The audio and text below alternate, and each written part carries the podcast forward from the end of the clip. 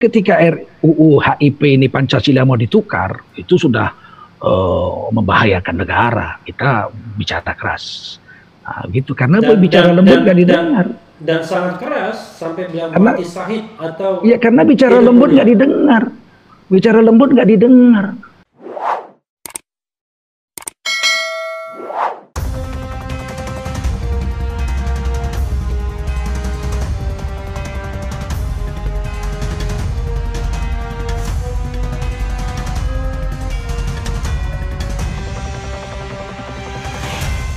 Assalamualaikum warahmatullahi wabarakatuh. Sobat RH sekalian Jumpa lagi kita di channel yang keren ini Keren Cadas.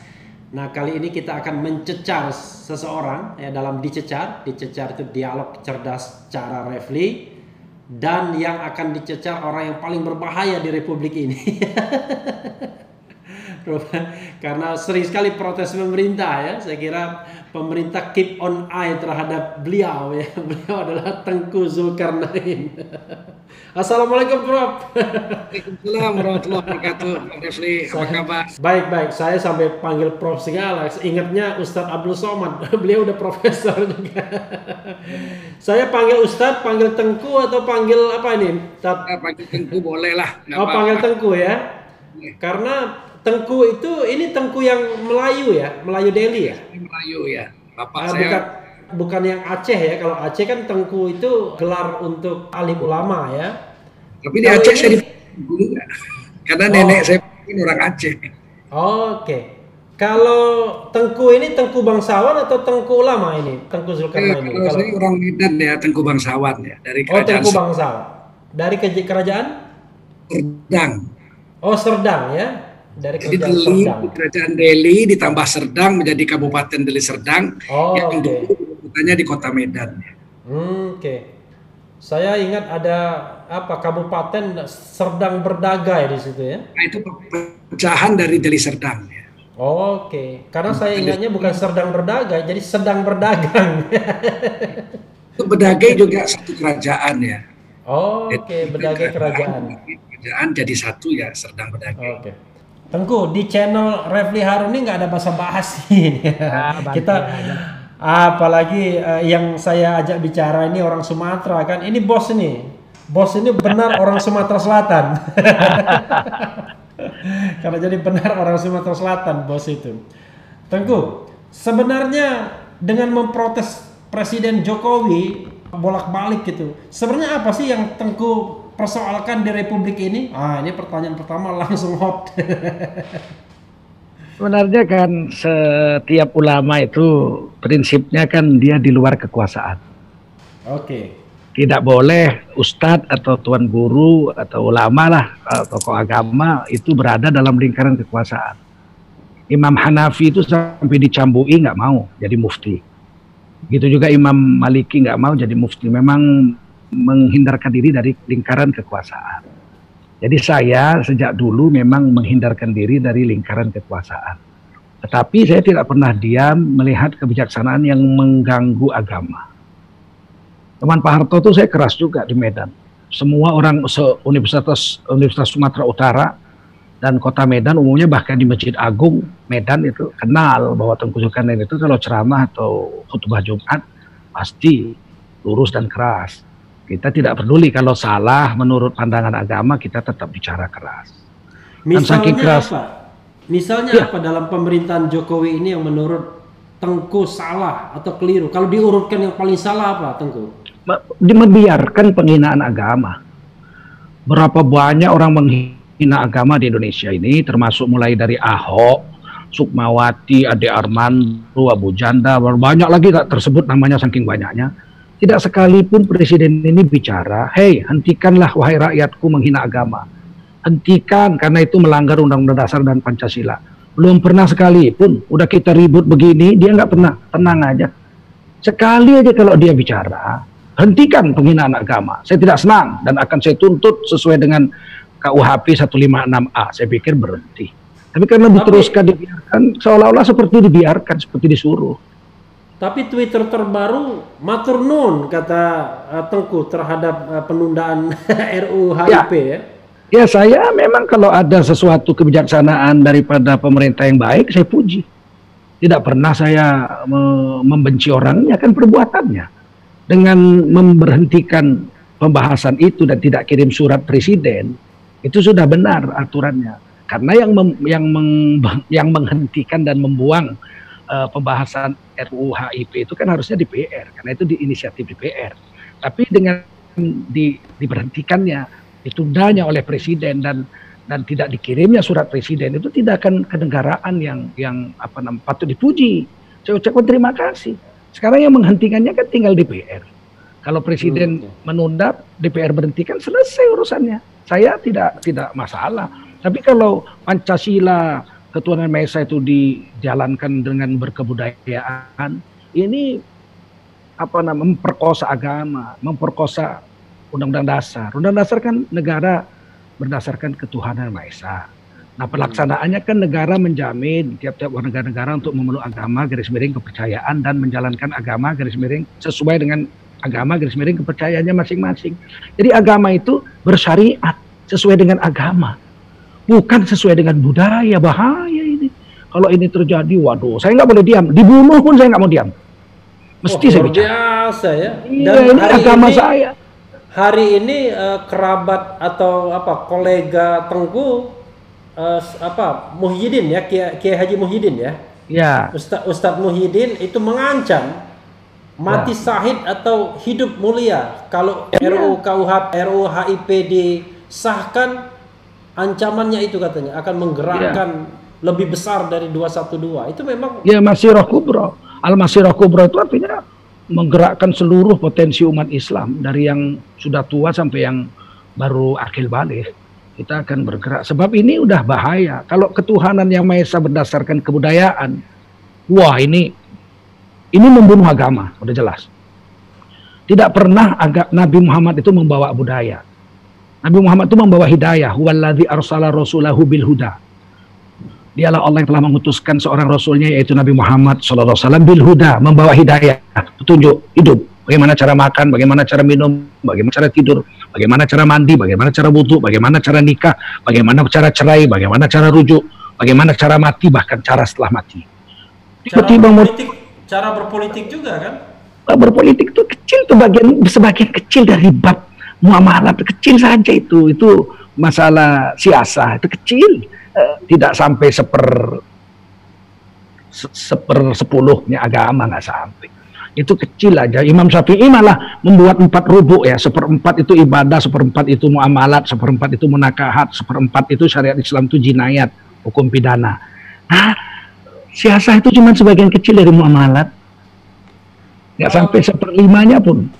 Tengku tadi kan keberatannya adalah ketuhanan yang berkebudayaan sebagian ulama juga bicara tentang keberatan tidak masuknya tab MPR 25, MPRS 1966. Ya. Kalau itu misalnya diubah, apakah masih mau menerima RU HIP ini, Tengku? Nggak, nggak, nggak manfaat. Sebenarnya kan begini, Pancasila itu kan falsafah negara. Cara pandang bangsa Indonesia tentang dirinya. Dan Pancasila itu kan dengan Undang-Undang Dasar 45 itu sumber dari segala tertib hukum kita. Masuk diturunkan jadi undang-undang. Undang-undang itu kan jauh di bawah. Udah Pancasila nomor satu. Maka tiba-tiba jadi undang-undang. Sederajat dengan hukum mencuri, hukum berzina. Nggak, nggak cocok. Kira -kira Rendah sekali. Kira-kira apa dalam pandangan perspektif Tengku, mengapa kemudian tiba-tiba muncul RUU HIP ini? Ya udah lama. Ini kan Pak, ini kan pandangan Bung Karno. Bung Karno kan pernah mempidatokan itu, Pancasila jadi Trisila, Trisila jadi Ekasila, kemudian gotong royong, dan sudah ada TAP MPRS nomor 26 untuk meneliti pandangan-pandangan Bung Karno yang selalu dibukakan TAP MPRS nomor 25 tentang pelarangan PKI, komunisme, Leninisme, dan ateisme. Tapi ada satu lagi loh, pasal 26, cuman karena Pak Harto itu TAP MPRS nomor 26 itu meneliti, mem mem mewaspadai pandangan-pandangan Bung Karno tapi kan Pak Harto itu kan mikul dhuwur mendem jeruk, menghormati senior, menutup aibnya. Sehingga itu tidak jalan itu. Sebenarnya kan Bung Karno telah melenceng daripada Pancasila. Karena apa? Karena menjadikannya uh, Trisila mau dijadikan Ekasila bahkan gotong royong. Kemudian negara ini kan negara NKRI, 18 Agustus, negara kesatuan Republik Indonesia. Kan kenyataan pernah dijadikan negara parlemen, bahkan oh, negara syarikat, Republik Indonesia Syarikat. Ini kan penyelewengan-penyelewengan terhadap Pancasila dan Undang-Undang Dasar 45. Sudah diwujudkan itu untuk diteliti pada TAP MPRS nomor 26 yang tidak dipoler, dip, tidak dipopulerkan oleh Pak Harto. Ada kecenderungan bahwa katakanlah sebagian kelompok orang yang mengagung-agungkan dan sering menyebut Pancasila itu menganggap bahwa kaum agamawan ini atau katakanlah Islam ya itu sering bertentangan dengan Pancasila. Sebenarnya pendapat Tengku sendiri seperti apa sih? Ya, kalau menurut saya mustahil ulama ya di Indonesia ini yang bertentangan dengan Pancasila itu mustahil. Karena Kenapa? apa? Karena Pancasila itu dari ada di Quran semua ketuhanan Maha Esa itu ada dua ayat Quran minimal. Wa ilahukum ilahu wahid. Tuhanmu adalah Tuhan yang Esa. Qul huwallahu ahad. Katakan Allah itu Esa. Siapa yang menentang Tuhan yang Maha Esa? Orang Islam nggak usah kan ulama. Orang awam aja kalau menentang Tuhan Maha Esa murtad dari Islam. Siapa yang berani menentang itu? Terus kemanusiaan yang adil dan beradab. Itu tiga-tiganya bahasa Arab. Manusia bahasa Arab, adil bahasa Arab, adab bahasa Arab. Nggak ada bahasa Indonesia itu. 700 bahasa Nusantara dari Sabang sampai Merauke yang namanya adab dengan uh, uh, uh, adil itu nggak ada, Pak. Sepadanan katanya nggak ada. Adab itu bahasa Jawanya ada, ya adab. Toto kromo. Tapi kromo itu bahasa Jawa, bahasa Arab juga. Asal kata karimun, toto kromo, tata kehidupan yang mulia karimun. Itu bahasa Arab juga. Adil, tidak ada. Bahasa Acehnya adil itu adi. Bahasa Bataknya ah ada bahasa Bataknya adil. Adil. Kaikin bahasa Karuna adil. Adil. Ah, ah, aku kecek Minang adil. Adil juga. Ah, orang Palembang. Ah, ah, uang kita uh, cakok ni uh, uh, adil. Adil juga. Jadi ah, nggak mungkin orang Islam menentang adab dan adil karena itu dari Quran. Innallaha ya'muru bil adli wal ihsan Begitu juga kenapa, persatuan Indonesia. Kenapa saya ketawa? Ini kok tentu ya. pasti semua menyebutkan bahasa-bahasa daerah. Saya orang Palembang loh. Loh, saya saya dosen linguistik. Walaupun oh, sekarang okay. sedang beredar beredar bahwasanya Tengku Zulkarnain dosen palsu di USU. Ah, males saya yang layaninya. Seluruh USU tahu. Rektor USU aja diem, dekan Fakultas Bahasa dan Budaya diam. Kalau saya memalsukan uh, kurikulum vitae saya bahwa saya pernah jadi dosen USU itu pasti yang paling ribut itu rektor USU dengan dekan Fakultas Sastra yang sekarang jadi bahasa budaya. Tapi saya memang linguis. S1 saya kan sastra uh, sastra Inggris tapi bidang studinya itu linguistik English. Oh, Oke. Okay. Uh, jadi saya memang dan, guru bahasa. Dan dan konon juga suaranya bagus tuh mantan penyanyi RRI itu Tengku katanya. saya saya salah satu penyanyi terbaik jenis hiburan untuk televisi dan radio, bintang radio televisi zaman Sandro Tobing. Siapa? Terus saya, saya dulu oh, luar biasa. Jangan-jangan saya, saya ingat dulu Sandro Tobing menangnya lagunya Simponi yang Indah itu zaman Ya, saya itu. saya orang pertama di Sumatera Utara menyanyikan lagu itu di final Orkes iya. Radio Televisi Medan karena kan iya. kan lagu itu lagu itu kan lagu wajib. Saya iya, peserta satu. Oh, saya peserta okay. satu, jadi tentu saya yang pertama alun sebuah simfoni kata hati disadari kalau saya nyanyi istri orang bisa jatuh cinta dulu taman merasuk sukma kalbuku lagi iya. terus ya iya masih. Jadi saya ingat tuh itu lagu wajib itu lagu wajib yang pertama kali nah. dinyanyikan Bob Tutupoli sebenarnya kan tapi dijadikan ya, itu, lagu wajib bintang radio ya. Iya betul. Juaranya saya Ja, Sandro Tobing. Sandro Tobing ya? Kalau di nasional Sandro Tobing. Juara nomor dua, nomor dua siapa? Uh, Faisal, Faisal Amir. Amir ya dari ah, Bandung, tapi orang Medan. Orang Medan, orang Medan. tapi nah, sekolah ya. di Bandung. Gemuk nih ya orangnya waktu itu. Iya, Faisal Amir. Iya, iya, memang. Ada ya. lagunya dulu, Mimpi yang Mungil itu. Iya, iya, banyak sih. Dia dia pernah buat album. Sampai sekarang masih berkawan baik dengan saya, Faisal Amir. Luar biasa ya, berarti angkatannya Sandro Tobing ya? Ya, sebaya lah. Waktu itu saya SMA kelas 1 ya, tahun 80. Kalau dulu, kalau dulu memang nggak mungkin suaranya jelek, pasti bagus. Sekarang nggak ada teknologi yang mengangkatnya kan, jadi ya. harus bagus dan live kan bintang radio. Ya, memang rekaman di RRI juga kita full track. Artinya 42 pemain orkestra, dengan kita nyanyi di atas kalau salah ulang semua jadi nggak boleh salah kalau salah ngamuk semua itu Woi, kalau kalau mau belajar nyanyi jangan di sini. itu oh. memang sudah profesional. Kita baca partitur itu tahu. Jadi berapa berapa bar internet up intro, berapa bar interlude itu hafal. Jadi nggak main apal-apal musiknya tapi udah hafal hitungannya. Ya. Oh itu kalau ngaji lebih bagus lagi nih Tengku nih pasti. Kalau ngaji oh. dari kecil saya duluan juara oh. MTQ, baru juara oh, nyanyi. Okay. Karena waktu itu begini, waktu tukar suara SMP kelas Ke, 3. Kenapa di ILC enggak azan tuh seperti rekan saya Irman Putra Sidi lagi viral. Jadi waktu itu saya kan saya kan tukar suara remaja ya, serak-serak hmm. gitu. Jadi dilarang yeah. ikut musabakoh tilawatil Quran. Maka ketika saya setahun suruh istirahat ikut musabakoh tilawatil Quran, saya lihat dari pengumuman di televisi pemilihan bintang radio televisi saya kan pemain musik tuh dari kecil itu klasik gitar sambil nyanyi. Bisa bisa organ segala. Saya ikut. Saya hampir semua alat musik bisa. Wah luar biasa. Iya kalau main band itu kalau hari Ahad, hari Minggu ya ada tempat orang kawin. Itu saya nyanyi, main organ, main drum, main gitar, main bass saya sambung semua gantian-gantian har, aja. Har, harusnya tandemnya Ahmad Dhani ini kapan-kapan.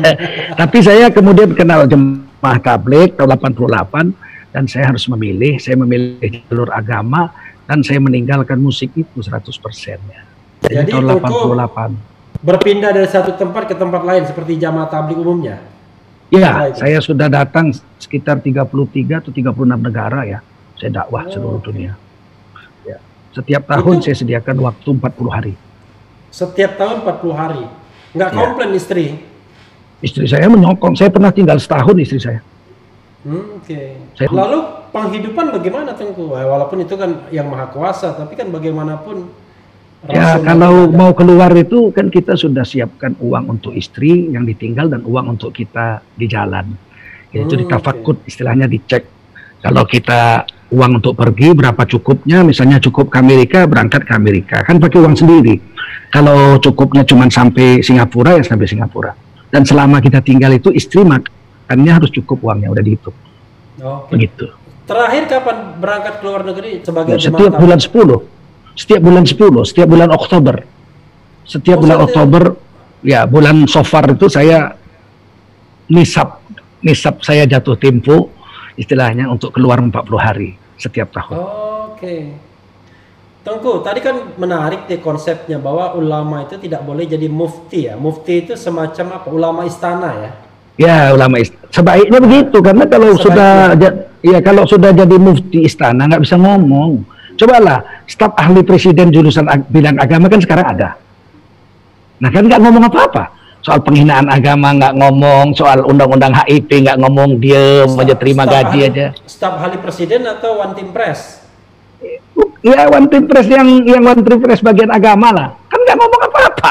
Habib undang-undang HIP ya saya nggak tahu lah pokoknya saya yeah. cuma mau ingat saya tidak mau sebut nama tapi waktu undang-undang waktu undang-undang RUU HIP dia nggak bicara. Waktu agama dihina segala macam dia nggak bicara. Terus ini maksudnya kalau cuma duduk situ terima gaji ngapain? Saya kalau gajian dari negara udah cukup saya udah pensiun pegawai negeri kok males. Kan sekarang masalahnya tapi, kita mau bicara untuk agama. Tapi Tengku uh, yang menjadi persoalan adalah dalam Pilpres 2019 Tengku menunjukkan keberpihakan kepada presiden calon presiden Prabowo Subianto. Itu alasannya ya. kenapa Tengku? Karena kenapa saya Tengku? tidak yakin zaman Pak Jokowi ini agama akan tumbuh subur, nggak yakin saya. Di zaman Itu, Pak Jokowi lima tahun ini agama dipecah dua. Satu agama yang pro atau yang disayang pemerintah, katakanlah orang-orang kawan-kawan kita di NU, dan selain NU itu dianggap musuh. Ini terjadi persis seperti zaman Orde Lama. NU itu masuk ke dalam pemerintahan, Nasakom nasionalis agama komunis, nasionalisnya PNI Bung Karno, agamanya NU dan uh, komunisnya itu PKI tahun 1960 uh, itu ya. Terus apa yang terjadi setelah Konstitusi dibubarkan 5 Juli 59? Selain NU itu dimusuhi semua, masuk penjara Bu ya Hamka, Syed Ansori, Ghazali Hasan, Arsyad Talib Lubis, Muhammad Nasir. Kejadiannya persis sekarang ini. Cuma bedanya belum dipenjara semua. Cuman yang ini dianggap kawan, ya NU ini dianggap kawan, selain NU dianggap musuh, dah termasuk saya dan kawan-kawan dianggap musuh. Tapi kalau kita lihat sepertinya kok seolah-olah ini apa ya persaingan antara Islam Jawa dan luar Jawa ini mohon maaf ya sobat daerah sekalian kita kan ngomong apa adanya. Iya. Ada Saya pikir begitu? enggak juga. Enggak Enggak juga. Karena di Jakarta kan di Banten, di Jawa Barat kan Pak Jokowi kalah. Ah, Jawa Barat kan Jawa juga. Jawa, eh, Banten Jawa, Jawa juga. Bahkan Jakarta kan Jawa juga. Kalah. Menangnya ke Jawa Tengah Jawa Timur. Ya kan kalau mau jujur. Kita harus mendefinisikan lagi Jawa dan luar Jawa ya. Jawa sendiri kan dari dulu dari zaman Masyumi, Jakarta, Jawa Barat, Banten tuh Masyumi. Meskipun orang-orang NU ya, kayak Haji Abdullah Syafi'i di Jakarta, orang NU totok. Ibunya Tuti Ala, bapaknya Tuti Alawi almarhumah. Tapi kan beliau ini tidak termasuk dalam partai NU, tapi beliau masuk bergabung dalam partai Masyumi meskipun orang NU. Nah, seperti bapak saya lah di Medan tuh orang NU totok, tapi beliau Masyumi bukan NU. Gitu. Oke, jadi NU yang Masyumi ada juga ya? Oh banyak. Medan itu Arsatul Lubis Al Wasliyah itu madhab Syafi'i. Kakek Oh, oh. kakek saya Masyumi juga kalau tidak salah, ya. Iya. Saya juga. Dan Karena kita dulu itu dulu semua orang harus berafiliasi ke politik memang zaman Orde Lama. ya terpaksa kan kalau gim- Iya. Sebetulnya Ki Haji Asy'ari lah tokoh yang mula-mula menggiring umat Islam untuk berpolitik. Kalau menurut saya, cobalah. 17 Agustus 45 kita merdeka. Tanggal 7 sampai 9 September 1945, tiga minggu setelah Indonesia merdeka. Yai Hashim Ash'ari mengumpulkan seluruh ulama se-Indonesia di Yogyakarta membuat Kongres Umat Islam pertama. Iya, Keputusannya apa? Iya. Apa putus putusan pertama? Membentuk satu partai politik satu-satunya Majelis Syura Indonesia dan melarang. I- Iya, pendidikan kan Ki Haji Hashim Asy'ari dan kawan-kawan. Kongres. Umat Islam pertama.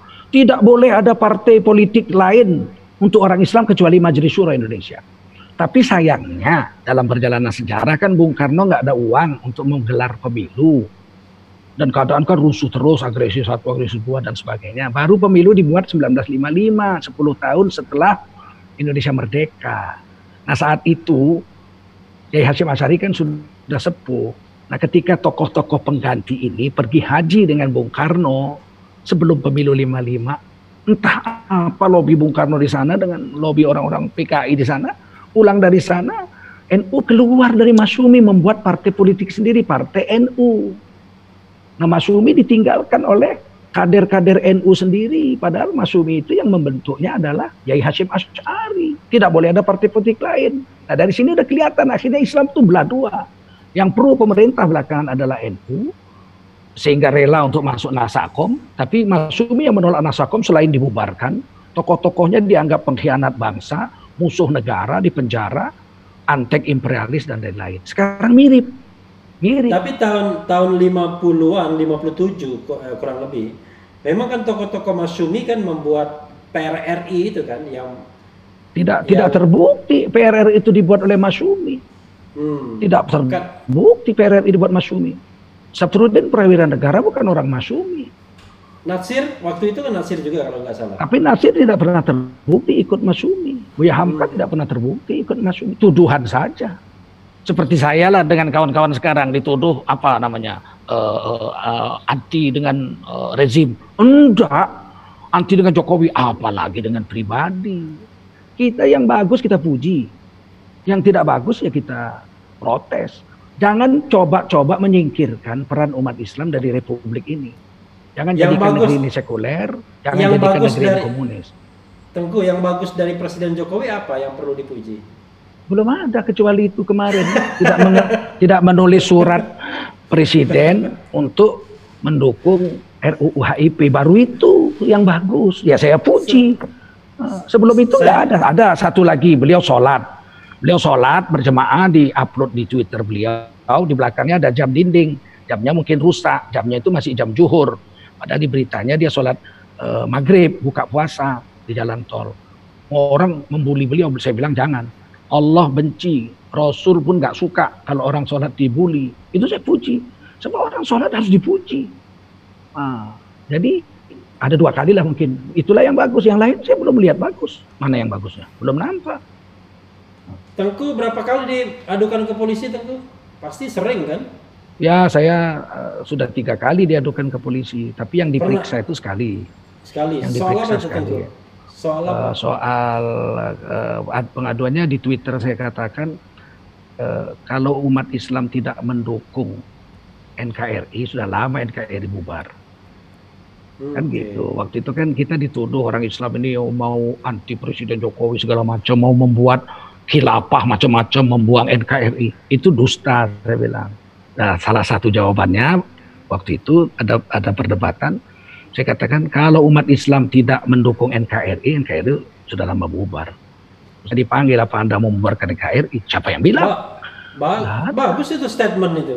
makanya tapi saya diadukan dan saya dipanggil ke polisi Hmm. di baris krim diperiksa. Saya lah orang pertama dari orang-orang yang tidak eh, pro Pak Jokowi yang diperiksa polisi, ya saya pertama. Cuman saya diam, nggak mau cerita sama orang, bahkan istri saya nggak tahu. Apalagi jemaah nggak saya beritahu. Ini tanggung jawab saya sendiri. Saya datang sendiri dengan supir. Saya bilang sama supir, kamu jangan cerita sama siapa pun. Setelah Itu selesai kapan? diperiksa, Kapan Tengku? waduh lama ya. Oh, Waktu setelah Ahok ya, setelah peristiwa Ahok. Terus saya 16 berarti. 2017. Pokoknya setelah Ah, pokoknya 2017. setelah Ahok, setelah Ahok ya saya tanda Iya. tangan ada 14 halaman. Kemudian saya pulang, saya letakkan surat panggilan polisi di atas meja komputer di kamar saya. Terus saya keluar tiga hari dakwah. Pulang-pulang habis sholat isya istri saya urut-urut saya gitu. Abang lagi tenang-tenang, tenang, nggak susah nggak. Terus diambil surat. Apa dipanggil polisi? Waduh, dipanggil lagi nih saya pikir. Terus saya periksa, ah ini sudah, udah selesai, udah diperiksa tiga hari yang lalu. Ya abang kok nggak bilang, nah nanti kamu susah. Saya bilang, saya sendiri aja menghadapi seperti itu. Oh, Nah, banyak saya masalah tujuh kontainer juga saya diadukan. Masalah yang padahal kan saya cuma nanya, menurut Kompas TV ada tujuh kontainer surat sudah tercoblos, apa benar? Kan ada tanya. Itu diadukan tapi saya tidak diproses hukum.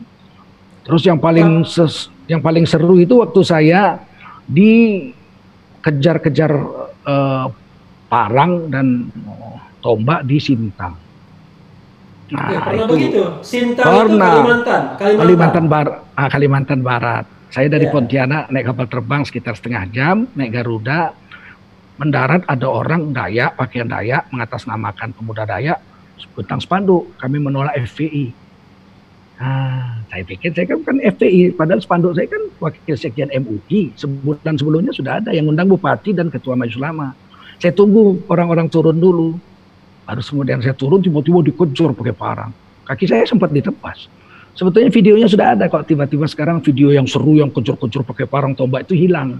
Cuman orang demo-demo aja depan pesawat. Karena itu yang merekam itu asis eh, ajudan daripada Ibu Komandan Korem Kalimantan Barat waktu itu kebetulan saya kenal beliau sejak Letnan 1. Itu yang Hampir- syuting itu. ha- hampir kena dong kaki. Nah, kalau nggak saya angkat kaki saya kena, tapi nggak kena lah insya Allah. Cuman kan waktu itu eh, besoknya saya kembali lagi. Kena. Kenapa? saya pulang. Tengku, Tengku punya ilmu kebal. Nah, nggak- kalau nggak takdir kan nggak kena. Jadi waktu itu saya pergi dari dari eh, Sintang itu ke Pontianak, terus saya ceramah meresmikan masjid Pak apa yang sekarang jadi gubernur. Dia waktu itu wali kota ya. Eh, kemudian saya besoknya kembali lagi dengan pesawat yang sama besoknya. Tapi nggak beritakan, yang diberitakan saya diusir. Saya melihat pengusiran ini adalah eh, kasusnya sebetulnya politik, pengalihan isu Ibu Megawati. Ibu Megawati waktu itu diadukan polisi karena mengatakan akhirat itu ramalan-ramalan saja. Nah Habib Rizik pada tanggal yang sama 12 Februari 19, eh, 2017 itu diadukan di Bandung. Nah saya dikejar-kejar Farang itu 12 sama itu ada tanggal 12 Februari 2017 sehingga karena ini ribut viral nah, masalah kasus Ibu Megawati dilaporkan ke polisi menghina agama karena mengatakan eh, itu apa namanya akhirat itu ramalan-ramalan saja itu itu terlupakan. Saya pikir dari situ arahnya, nggak ada yang lain. Sebab spanduk saya itu udah sebulan beredar di sana, nggak ada masalah. Tengku ada kesan ya, kok masyarakat kita ini gampang sekali adu mengadu gitu. Tidak hanya eh, Tengku yang diadukan, tapi kan kalau kita lihat, katakanlah kelompok yang berseberangan itu juga dia, sering juga diadukan tuh. Ya, Sukmawati misalnya termasuk- diadukan. Ya kalau menghina agama pasti diadukan karena ada pasalnya 156A KUHP. Tapi kalau Din Samsudin cuman statementnya mau membela Said Didu diadukan kan nggak masuk akal itu. Kalau seperti seperti itu kan, kan lucu. Kan, kan banyak juga tuduhan makar dan lain sebagainya. Kepada siapa? NKRI misalnya kan? Ya, yang mau makar siapa? Umat Islam ini dari dulu setia kepada NKRI ini. Kepada Kalau umat Islam besar, gitu. Siapa? Kita nggak pernah minta. Loh, lebih parah demo waktu zaman SBY. Dibikin spanduk SBY turun, tangkap SBY sekarang juga. Ya kan, oh, dibawain kerbo, Sibuya, macam-macam. SBY selalu-selalu aja. Nggak ditangkap tuh yang bawa turunkan SBY itu spanduknya masih saya simpan fotonya. Nggak ada ditangkap apa-apa.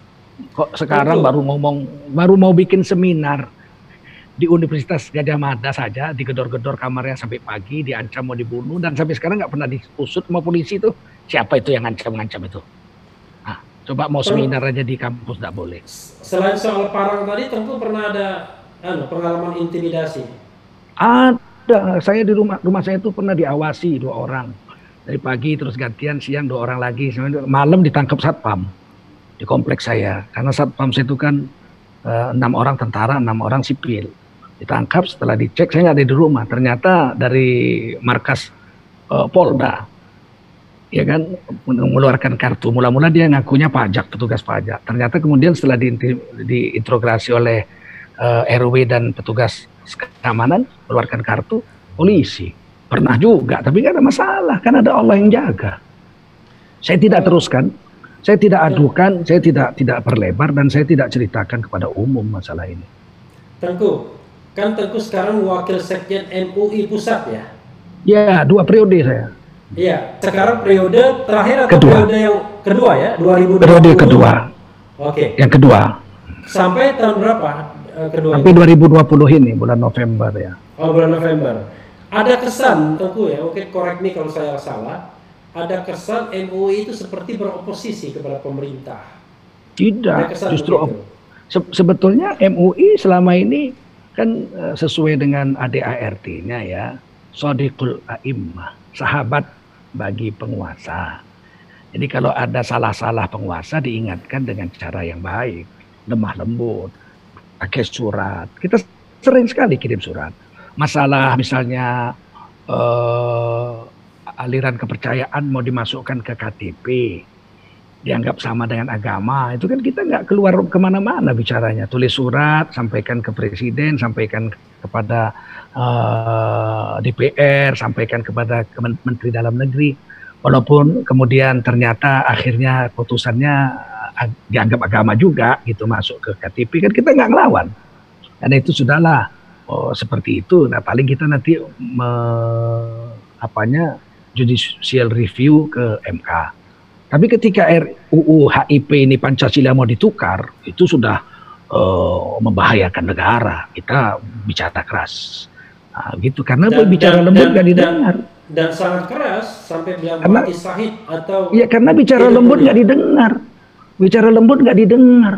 Kan cuma dua fraksi aja yang menolak, Demokrat dengan PKS. Yang lain kan ada tangan semua. Ya kita harus berker, berkeras dong ngomong ini. Tidak mau kita negara ini hancur. Bayangkan kalau Pancasila diganti dengan gotong royong. Hilang dong ketuhanan, kemanusiaan yang adil beradab, oh, persatuan Indonesia hancur semua jadi gotong royong. Kalau gotong royong Romusa juga gotong royong dulu judulnya. Jepang bilang hari kita gotong royong bikin jalan mau melawan Rom, Romusa ya bukan Roh Musa ya Romusa Romusa dulu kan judulnya gotong royong juga dari kakak Asia Timur kita kan melawan uh, imperialisme Barat. Tapi Tengku uh, Kan ketua MUI jadi wakil presiden. Sampai sekarang masih ketua umum beliau, cuman non aktif oh, saja. Non aktif. Tapi nah. kenapa ada kesan MUI tetap memegang posisi sebagai apa ya oposisinya pemerintah, padahal tidak, MUI... enggak, enggak. tidak mungkin MUI itu jadi oposisi, tidak mungkin. Kenapa MUI berbicara agak keras? Sebab pertama DPR nggak dengar, nggak mendengarkan uh, seruan 34 uh, provinsi MUI kan tanda tangan semua 34 provinsi. Belum pernah terjadi seperti ini. Ormas besar NU Muhammadiyah Matlal Anwar menolak. Oh tapi nggak didengar. Ya nggak didengar ya kita berteriak lebih keras. Nah, sedangkan presiden sudah terkesan kan saya tidak tahu menau. Nggak ngerti baca juga belum. Berarti kan DPR ini. Kalaupun kami keras kan keras kepada DPR bukan keras kepada presiden. Bukan keras kepada pemerintah. Kan pemerintah ya. udah bilang nggak mau tak nggak tahu. Jadi kita kerasnya ke DPR, bukan kepada pemerintah ini. Siapa bilang yang, kita oposisi? Yang menarik, tapi tunggu, kita tahu bahwa ketua MUI menjadi wakil presidennya Presiden Jokowi, ya Betul. ya kan? Dan itu membalikkan keadaan. Kalau nggak salah waktu itu kan Kiai Maruf juga yang menjadi saksi ya dalam kasus ya, Ahok kan. Ahok ya. Tapi kok Tengku dan teman-teman tetap tidak ikut Kiai Maruf, tetap saja mendukung Prabowo gitu. Padahal Kiai Maruf sudah ke Jokowi. Ya. Da dalam pilpres kemarin. Ya, ini inilah cairnya MUI. MUI itu kan payung besar, tenda besar, payung besar.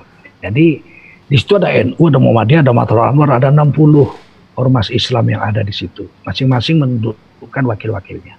Saya dari Matul Anwar, dari Itihadiyah. Kiai Haji Muhyiddin Junaidi itu wakil ketua umum sekarang itu dari Muhammadiyah. Wakil ketua umum yang satu lagi Kiai Haji Zainul Tauhid yang sekarang wakil Menteri Agama itu dari NU. Kiai Haji Ma'ruf Amin dari NU. Terus ada yang dari uh, Al-Wasliyah, ya, ada yang dari Al-Wasliyah itu Yusnar Yusuf, Kori Internasional. Jadi cair. Saya pun diminta sama Kiai Ma'ruf, bantu saya. Tengku, saya bilang, kita bagi-bagi aja. Ada di sana, di sini. Kan begitu kamu kata Kiai Tengku nggak senang sama saya kata Kiai Ma'ruf. Nah Kiai Ma'ruf itu guru saya. Tentu saya senang. Kalau Kiai Ma'ruf yang jadi presiden, saya tim kampanyenya pakai duit saya. kan gitu. Tapi ada Jokowi di situ ya separuh-separuh lah. Kalau Jokowi wafat, Kiai Haji Ma'ruf Amin jadi presiden, baru saya banyak membantu. Mungkin tidak kritik kalau tapi tetap aja kalau salah ya tetap dikritik. Wah ini pernyataannya keras banget. nah, ya, waktu itu memang kenyataannya begitu. Saya bilang dengan Kiai Ma'ruf saya kalau Kiai Ma'ruf tanpa reserve saya bilang. Saya bergaul 22 tahun dengan beliau. Beliau wakil ketua umum, saya wakil sekjen. Alangkah akrabnya kami sama-sama memimpin sidang kalau hari Selasa. Tetapi saya nggak mau dengan Pak Jokowi itu aja. Karena di belakang Pak Jokowi siapa? Nggak cocok saya dengan mereka. Di ada PDIP. Ya ada oh. PDIP di situ kan tentu saya nggak cocok. Dari dulu saya dengan PDIP nggak cocok. Sebab saya belum melihat PDIP itu satu gerakannya aja memperjuangkan agama. Waktu undang-undang pornografi dia walk out. Waktu undang-undang pendidikan dia walk out. Lah, ini apa ini? Enggak, enggak kan, sekalipun. Kan, kan ada Baitul Muslimin sekarang di PDIP. Nah, nyatanya gerakannya apa? Coba waktu undang-undang pendidikan, Bang Raffi masih ingat pasal 12A. Hmm. Tiap-tiap anak didik berhak mendapat pendidikan agama sesuai dengan agama yang dianutnya dan diajarkan oleh guru yang seagama dengannya. Ini kok ditolak oleh PD, PDIP waktu itu. Walk keluar nggak mau. Loh, tiap-tiap anak didik, misalnya Kristen, berhak mendapatkan pelajaran agama Kristen, diajar oleh guru beragama Kristen. Di mana salahnya? Anak sekolah Hindu di Banda Aceh berhak mendapat pelajaran agama Hindu dan diajarkan oleh guru beragama Hindu. Di mana salahnya kok dia walk out? Apa benci dengan itunya? Tidak. Berarti benci dengan agamanya. Ya saya nggak setuju dengan mereka. Terang-terangan aja nih saya ngomong terus terang aja. Walaupun Taufik Kimas almarhum pernah menjumpai saya. Menjumpai Marisa Hak, nah, kawan saya sekolah itu. Jadi ambil S2. Marisa Hak mau jadi anggota DPR RI dari PDIP. Saya nggak mau. Tengku sekolah sama Marisa di mana? Di UI? Nah, di? saya lulus di UI, tapi waktu S2 saya nggak milih UI. Ada dong. Oh, Trisakti, Trisakti ya? Tidak. Tidak, pokoknya saya nggak perlu. Pokoknya saya oh. dengan Marisa Hak satu kelas. Saya itu sholat maghrib, sholat isya, saya imam. IPB, nah waktu itu, Marisa. waktu IPB. itu, waktu itu Marisa Hak itu ditawari untuk jadi DPR RI dari PDIP. Saya juga sama. Saya ketemu waktu di gedung DPR RI dibawa oleh Taufik Yumas di pinggir dia diajak. Saya bilang saya nggak mau karena kalian kan cenderung sekuler. Dia bilang begini Taufik Imas tuh tengok bijaksananya beliau kapan PDI berubah menjadi hijau? Kalau orang-orang alim ulama tidak mau datang ke PDI, bergabung dengan PDI. Saya sempat tercenung gitu. Ucapan almarhum Taufik Imas itu tersenung. Lalu saya bilang, e, beginilah Bang Taufik, saya bilang. Jadikan dulu PDI hijau baru saya masuk. Saya khawatir kalau sekarang saya masuk, bukan PDI-nya yang jadi hijau, saya yang jadi merah. Dipeluk saya sama almarhum Taufik Imas. Kan kita orang Sumatera ngomong kan nggak perlu basa-basi. Terang-terang aja, tapi saya hormat. Artinya Bang Taufik Imas Ma- pernah maka, ma- mengeluarkan makanya orang Sumatera nggak bisa berkuasa karena ngomongnya selalu terus terang. nggak apa-apa, nggak penting Nggak apa-apa. kekuasaan, nggak nggak penting penting apa? kekuasaan. Yang Yang penting penting ide, yang penting ide-ide keagamaan itu bisa menjadikan negeri Indonesia ini negeri yang religius, walaupun berpancasila tapi religius, bukan negara Islam tapi negara yang religius yang menjamin tiap warga negaranya untuk menjalankan agamanya 100%. Iya, itu tadi sobat era sekalian perbincangan dengan Tengku Zulkarnain ya. Karena sama-sama dari Sumatera bagi saya eh, gampang untuk bicara dengan beliau ya. Jadi kadang-kadang orang tuh terlihat keras, tapi ketika kita ajak ngobrol ya bisa kita tahu jalan pikirannya, bisa keluar semua ya. Kadang-kadang di negara ini tidak bisa menerima sebuah kritik-kritik keras. Padahal kalau dicerna kritik itu bentuk kecintaan orang ya terhadap sesuatu dan kita berharap bahwa pemerintahan itu berjalan secara baik. Karena kan kita menginginkan negara ini baldatun thayyibatun warabun ghafur, bukan negara yang dipenuhi para koruptor dan para pencoleng apalagi free riders ya di seputar kekuasaan. Nah, yang penting tetap di channel ini karena di channel ini Anda akan dirayu, ditipu, dibaperan, dicecar, diuber pula di jalur khusus.